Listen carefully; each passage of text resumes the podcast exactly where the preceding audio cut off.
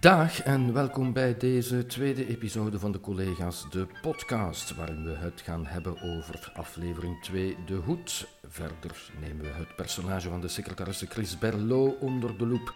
En tenslotte stellen we ons de niet onbelangrijke vraag: waar hebben ze het in godsnaam toch allemaal over in deze aflevering?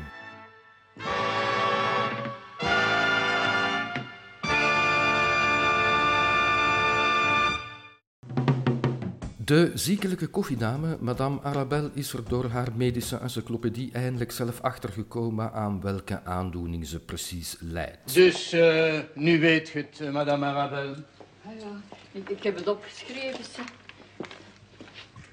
Artritisme. Onmiddellijk naar huis. Een maand volledige rust. Te bed, minstens. Artritisme maar af, hè, Madame Arabelle. Hoe komt er nu aan zo'n ziekte? Gaat die zo weer proper uitgesteld zijn? Bacon. Er is van alles aan de hand met Jean de Pesser. Zo schijnt er wat te schelen met zijn zoon Eddy. En om de een of andere reden praat hij daar nooit over. Allee, pak nou alles een Eddy. Hè? Die is amper een jaar jonger dan Maan en Adelbert. Hè? Allee, ik heb hem praktisch weten geboren worden. Hè?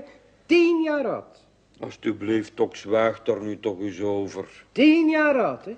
En nog nooit heb ik één woord over hem gehoord uit oude mond. Ja, dat kan zijn reden hebben, hè, doks. Als je kinderen geren zie, dan klapt het daarover. Dan leidt dat op patoen. Ook zijn rancunes aan het adres van onderbureauchef Verrastenhoven blijven bestaan.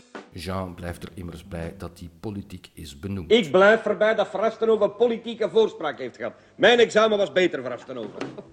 Wanneer diezelfde Verrastenhoven om medische redenen besluit zich een hoed aan te schaffen, inspireert dit de Pesser tot een wraakactie. Hilaire, ik heb een verschrikkelijk plan met de hoed van Verrastenhoven. Maar ik moet de sleutel hebben van zijn klerenkastje. Ja, die sleutel heeft hij zelf, hè, Jean. Maar jij hebt de dubbels toch? Ja, maar die mag ik u niet geven, Jean. Je kent het reglement. Hilaire, ik moet die hoed zien. Twee minuutjes maar. Directeur Paul Tiempont blijkt de trotse bezitter te zijn van een aantal huurappartementen, waaronder één op het eiland Ibiza. Je zal die appartement toch nog... Uh... Tien keren, man, ja, tien ja. keren. Zeg, die, die, eh, die twee aan ons kust die zijn al verhuurd, hè? Mm. En dat op Ibiza, schoon ook, hè? Schoon, hè? Ibiza, hè? Schoon, hè? Ja, ja. Hè? Ja, en dan, ja. Het is nog alleen dat in Spanje. Ja, ja. En pas op, dan alleen nog maar in september, hè? Mireille Puis is een week lang afwezig, officieel vanwege psychische moeilijkheden. Ah, ja, ja, ja, ja, mannen, mannen. Het is maar dat je het zou weten, Paus is ziek, hè? Voor een week eronder door. Typiste Betty Bossé vervangt haar als secretaris. Als op andere diensten de secretaresse ziek is, dan is het de dactylo. Ja, ja, die het is goed, Betty, het is goed. We hebben het gehoord. Ik zal er met meneer per se over spreken. Ah, het is me recht. Betty, tikken, tikken, tikken. Maar waarom zou je nu kijken? De hoed laat een uitmuntende Mandus de Vos in de hoofdrol zien, die zijn gestalte van de vermeende homofiele Bonaventure Verrastenhoven prachtig in de vingers krijgt.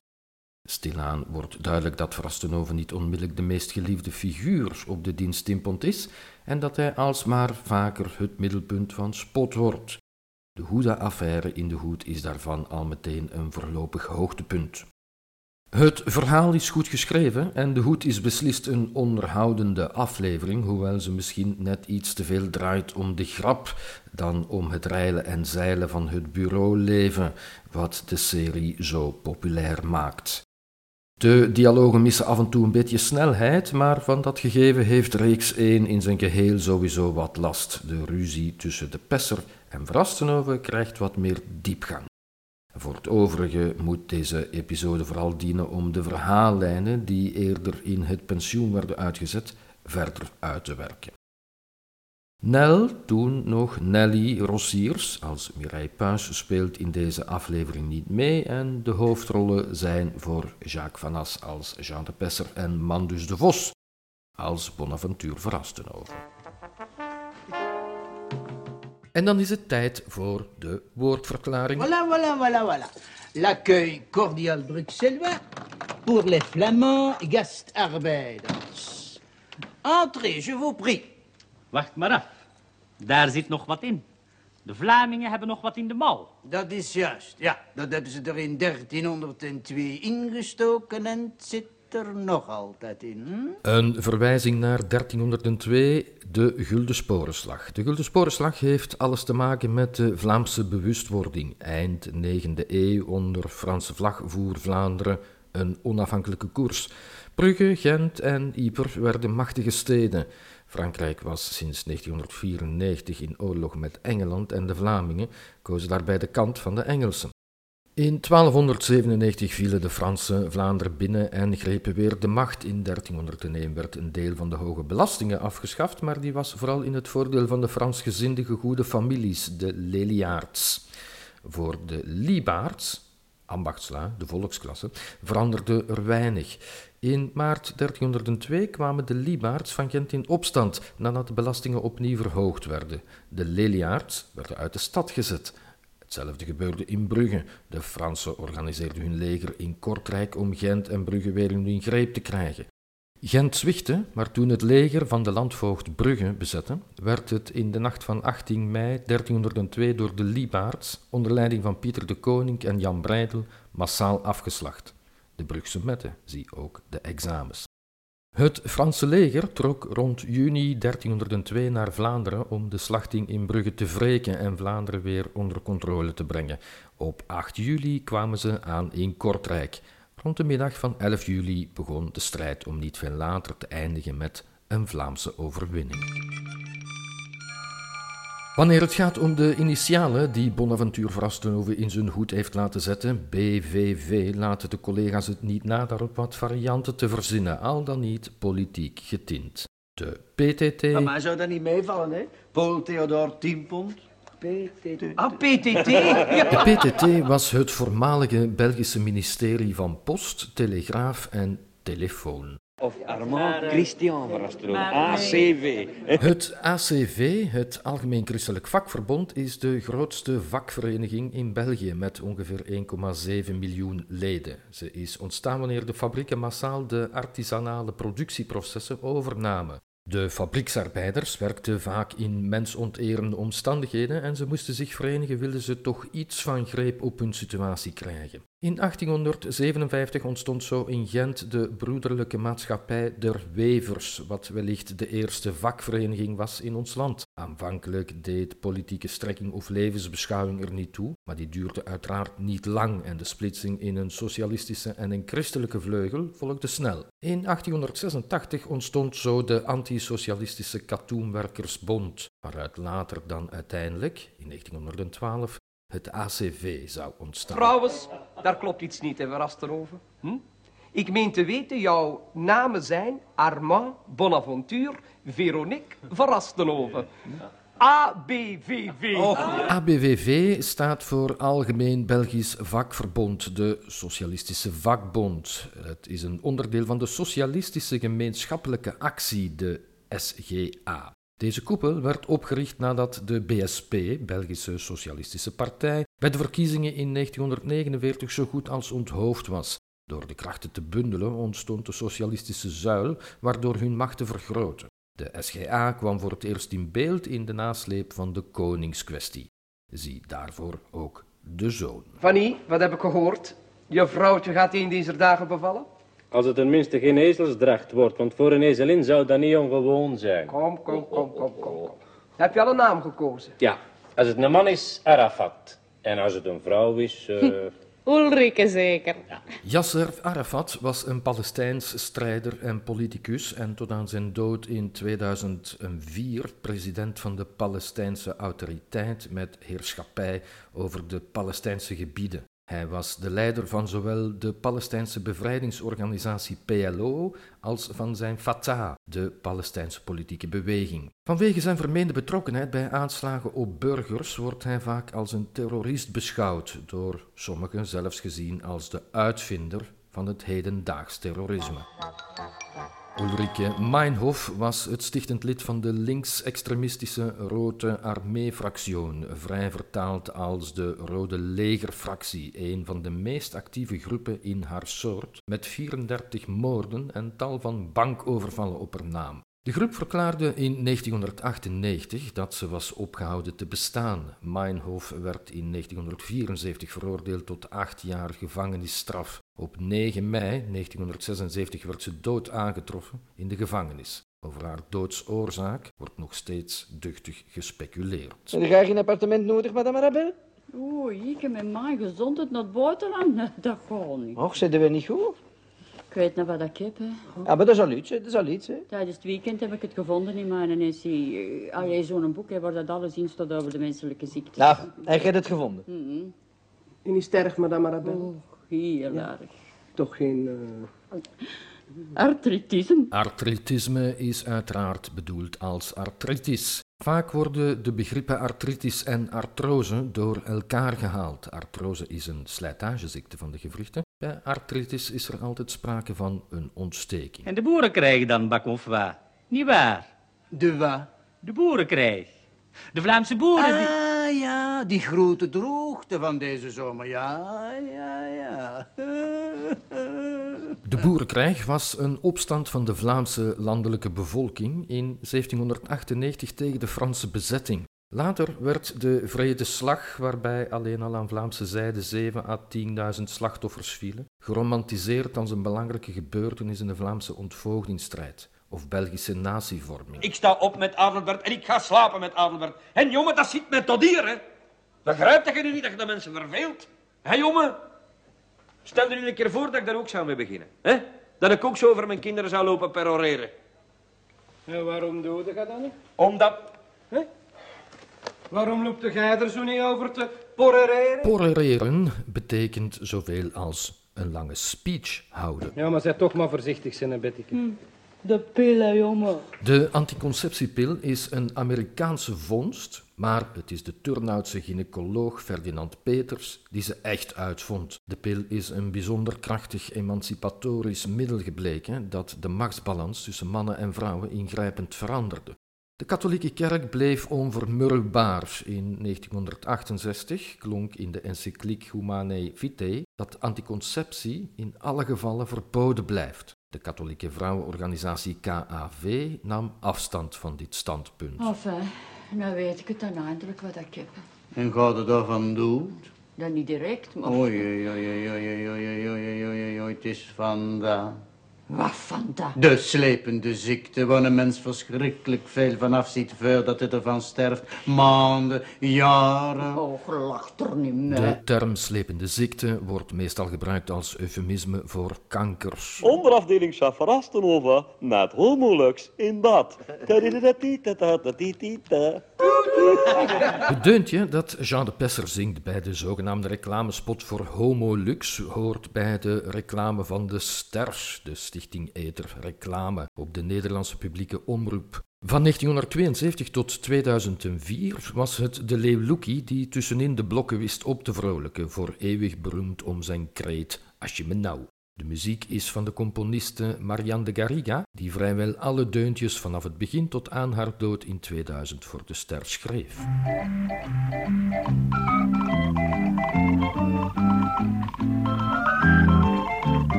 Trouwens, de Pesser. Verbeteringsgesticht betekent niet dat dat manneke verloren is voor de maatschappij, hè? Van u. Kijk naar mij. Ik heb in het verbeteringsgesticht gezeten, ik. En waar ben ik? Op weg naar de roem. Het Verbeteringsgesticht is de oude benaming voor wat nu gemeenschapsinstelling heet. Het is een heropvoedingsinstelling voor probleemjongeren die als missie heeft onaangepast gedrag trachten te corrigeren, zodat een echte gevangenisstraf later kan worden voorkomen. Het beheer is van het Belgische federale niveau overgedragen naar de gemeenschappen, vandaar de aangepaste benaming die tevens als bedoeling heeft wat minder hard te klinken. In Vlaanderen kennen we gemeenschapsinstelling De Kempen met campussen De Hutte en De Markt, De Zande met campus Beernum, campus Ruislede en Wingenen en De Grubbe in Everberg. Tot slot vandaag in de kijker de typiste en de latere secretaresse van directeur-generaal Jan Klerks, Chris Berlo. Zeg, al die vuile praat waar ik iedere keer mijn oren voor moet sluiten, dat durf ik aan ons allemaal niet gaan herhalen. Chris Berlo werd geboren op 1 augustus 1958 en woont op de Steenweg op Ninove, nummer 458 te Boortmeerbeek. In de nieuwe typiste dient de dactylo Betty Bossé te worden vervangen en Christine Berlo is een van de kandidaten die wordt voorgedragen. Nobele onbekende is ze op dat moment niet meer. De eerste keer dat we haar zien is in Alijke, wanneer Betty een kleine vergadering met alle typistes van het gebouw organiseert. Ze geeft meteen een aantal interessante dingen van zichzelf prijs. We zijn met vijf kinderen thuis hè. en ik alleen lispel. Maar ik laat me niet doen, hè. De lispelende Chris komt uit een gezin van vijf kinderen en ze is de enige van hen die aan de vervelende kwaal lijdt. Er schijnt iets mis te zijn met haar tongplaatsing, zegt ze daarover. Ik spreek altijd beschaafd, meneer Verrastenhoven. En ik weet dat ik lispel, maar eh, er is iets mis met mijn tongplaatsing. Ze is streng katholiek opgevoed en daarvan krijgen we prachtige staaltjes te zien, vaak tot grote ergernis van haar collega's. In de plechtige communie legt ze het aan boord met de jonge doks en gebruikt ze bij wijze van openingszin de eerste woorden uit het scheppingsverhaal. Zeg jongen, ik geloof hè, dat al die tegenslag die jij kent, dat dat voortkomt van uw alleen zijn. Je kunt gelijk hebben, Chris, maar dat heb ik theologie niet nodig, hè?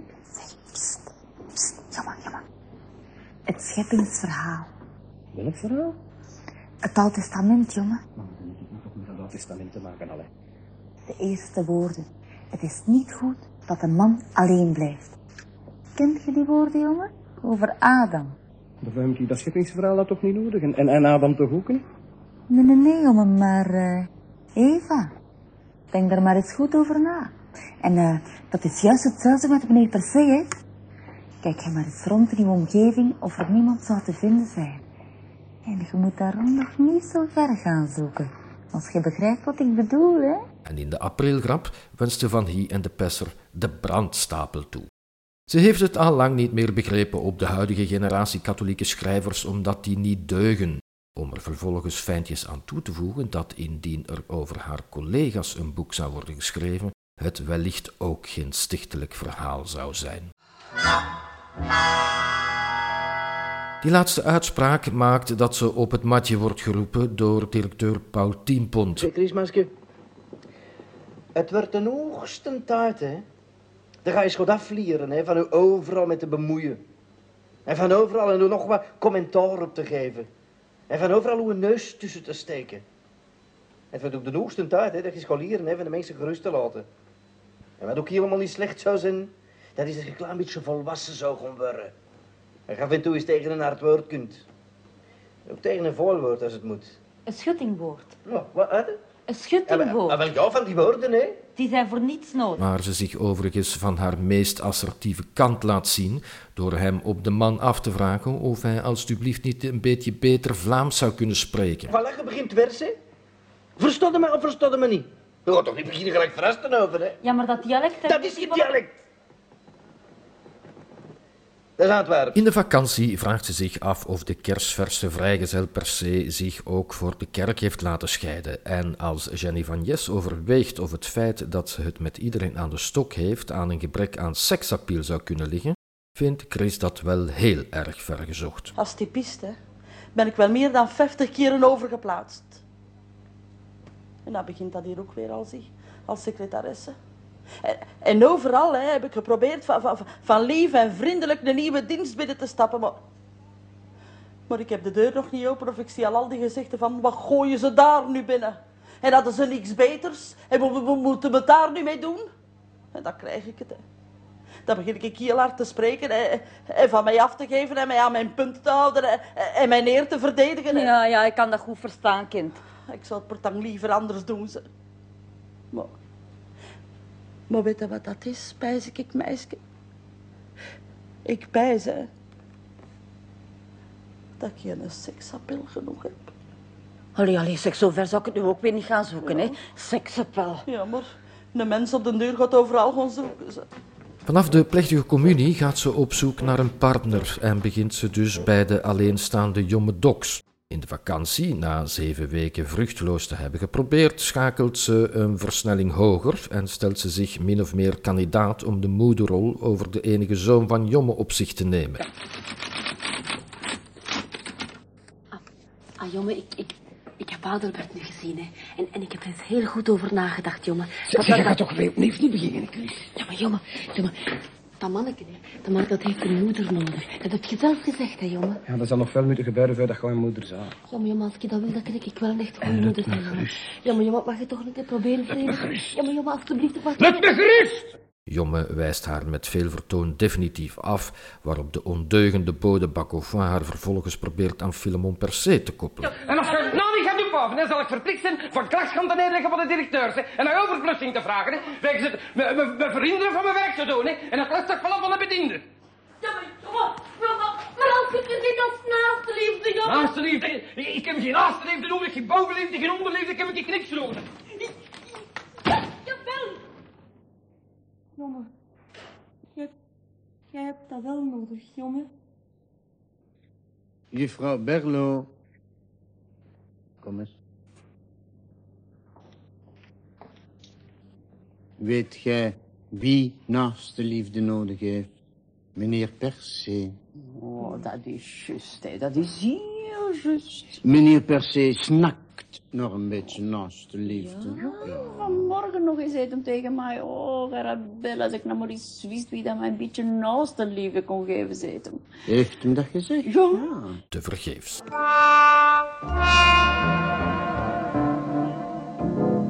Samen met Bonaventure Verrastenhoven, Jean de Pesser en Philemon Percé is Chris de enige die doorheen de drie reeksen een promotie te beurt valt. Vanaf de muur is ze benoemd tot secretaresse van directeur-generaal Jan Klerks.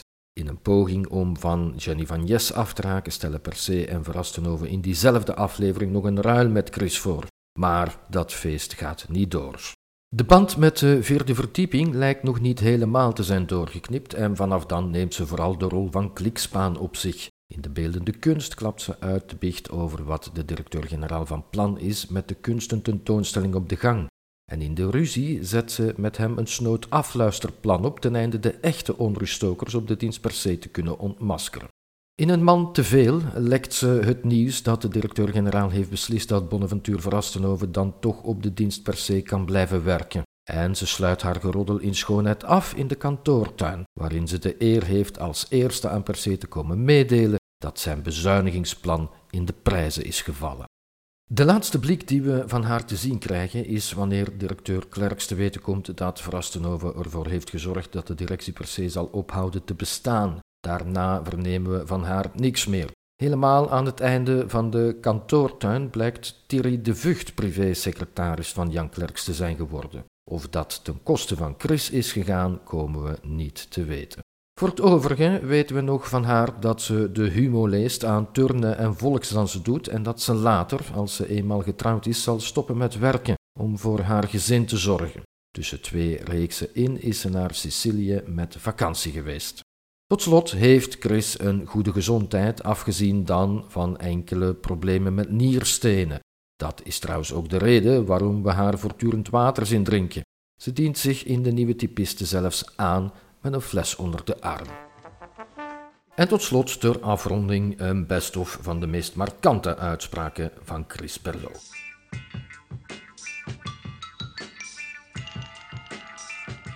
In de nieuwe typiste stelt de lispelende Chris zichzelf voor met een volzin waaruit alle S'en zijn geweerd. Ik kom hier werken. Ik kom u uit de nood helpen voor de tijd dat Bette niet meer kan komen, indien u met mij tevreden bent en indien Jean niet voor een dul wordt van mij. Ik? In de bijverdiensten vertelt ze over haar nierstenen en hoe ze daar vanuit haar geloof waardig weet mee om te gaan. Oh, neersteentjes en, en nog zo jong. Hè? Ja, de ziektes die je krijgt moet je met vreugde dragen, zegt ons Ja. De collega's spelen met de lotto en omwille van het feit dat Jean de Pesser afwezig is, wordt Chris gevraagd of zij in zijn plaats misschien deel wil nemen. Maar daar heeft ze zo haar eigen idee over. Ga maar meedoen in de plaats van Jacques, Riske. Nee. Ah ja, maar ik moet kikker achter hebben, hè, want ik, ik geloof ik zelfs dat dat bulletins van, van 70 dat dat zelfs niet bestaat. Kan spelen, hè, jongen. Dat zijn werken van de duivel. Ja, ik ken anders vuilpastoors die tombolas inrichten. Hè. Ah, maar dat is voor een goed doel, ja. Het leven zit Jomme Dox niet mee. Voor Chris in de plechtige communie een ideale gelegenheid om het met de klassificeerder voorzichtig aan boord te leggen. In diezelfde aflevering probeert ze zelfs zijn vader in haar plannetje te betrekken. Jongen, meneer, die is de laatste tijd een beetje zenuwachtig en, en weet hoe dat, dat komt? Ah, wel, dat komt omdat hij geen vrouw meer heeft die het vrouwelijke werk voor hem kan doen. Maar duizend keer heb ik hem dat al gezegd. Ah, wel, hij zou dat toch moeten inzien, hè, Maar dat meneer? zeker. En in de vakantie hoeft de pasgescheiden Philemon per se niet op felicitaties van de katholieke typisten te rekenen. Dat geldt ook voor Mireille Puis, die aan het einde van de derde reeks ongehuwd moeder werd. Zeg, wat ik mij afvraag, hè. Dat Mireille Meisje, dat moet toch ook geen alte katholieke zijn, hè? Dat die, dat die zomaar een zwangerschap maakt zonder dat ze... Ah, allee, buiten het sacrament van het huwelijk, allee. Zeg, ga ze het roekje van een oude stempel gijzen. Ja, ik zou er toch een beetje meer willen over weten. Ah, wat meer details zo. Niet dat ik dat goedkeur natuurlijk, hè. Het schijnt dat dat in is, hè, tegenwoordig, ongehuwd moeder zijn. En dat ze dat hier op het ministerie zomaar goedkeuren, goedkeuren zeg. Chris Berlo werd vertolkt door Agnes de Nul, eerst als gastactrice in de tweede reeks. Nadien in de derde reeks maakte ze deel uit van de vaste cast. Ze werd geboren in 1955 en is naast haar rol als Chris bekend uit FC De Kampioenen als Lilian Verhoeven. Maar vooral toch als Kabouter Kwebbel in de Studio 100 reeks Kabouter Plop.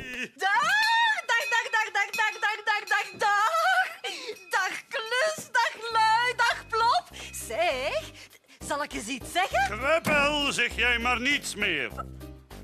En waarom dan wel niet als ik vragen mag? Omdat jij altijd veel te veel praat. Ja, en ik word daar zo moe van. Wat? Ik te veel praten? Jij praat te veel, jij praat te veel, jij praat, jij praat, jij praat te veel.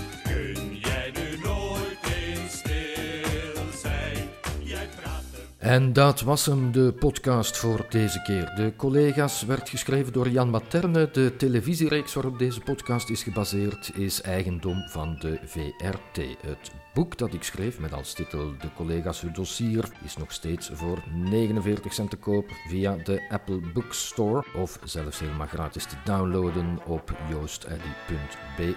En daar vindt u ook alle nodige informatie aangaande de leesmodaliteiten en de credits.